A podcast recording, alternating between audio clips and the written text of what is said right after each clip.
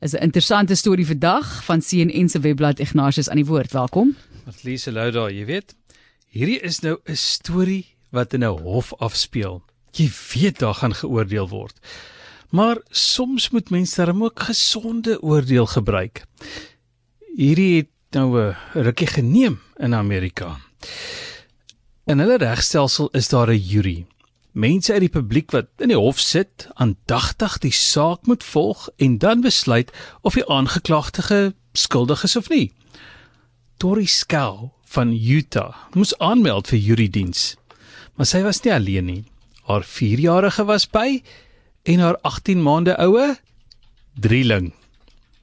Die regter, die mede-jurylede, ek dink almal in die stelsel gaan jou oordeel as jy met so 'n kleuterskool by die hof opdaag. Maar sy kon nie 'n kinderoppasser kry nie en sy het hulle voor die tyd gewaarsku. Daardie kinders is gevoer dat die kake roer om die monde stil te hou.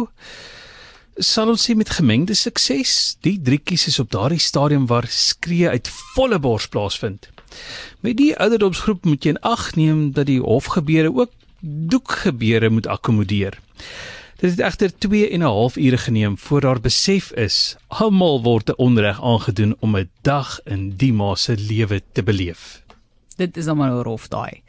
Hier mag jy nie 'n baba hondjie wat jy sopas gekry het saambring as jy nog nie 'n plek vir hom of haar het nie. Maar ja, nee, ek sê vir jou.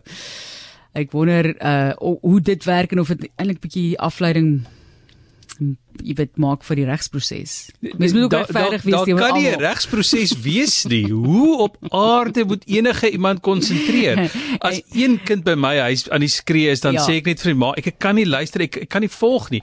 Dink nou net drie van hulle op dieselfde ouderdom. Ek wil nou net sê Ignatius weet want hy twee van hulle by die huis.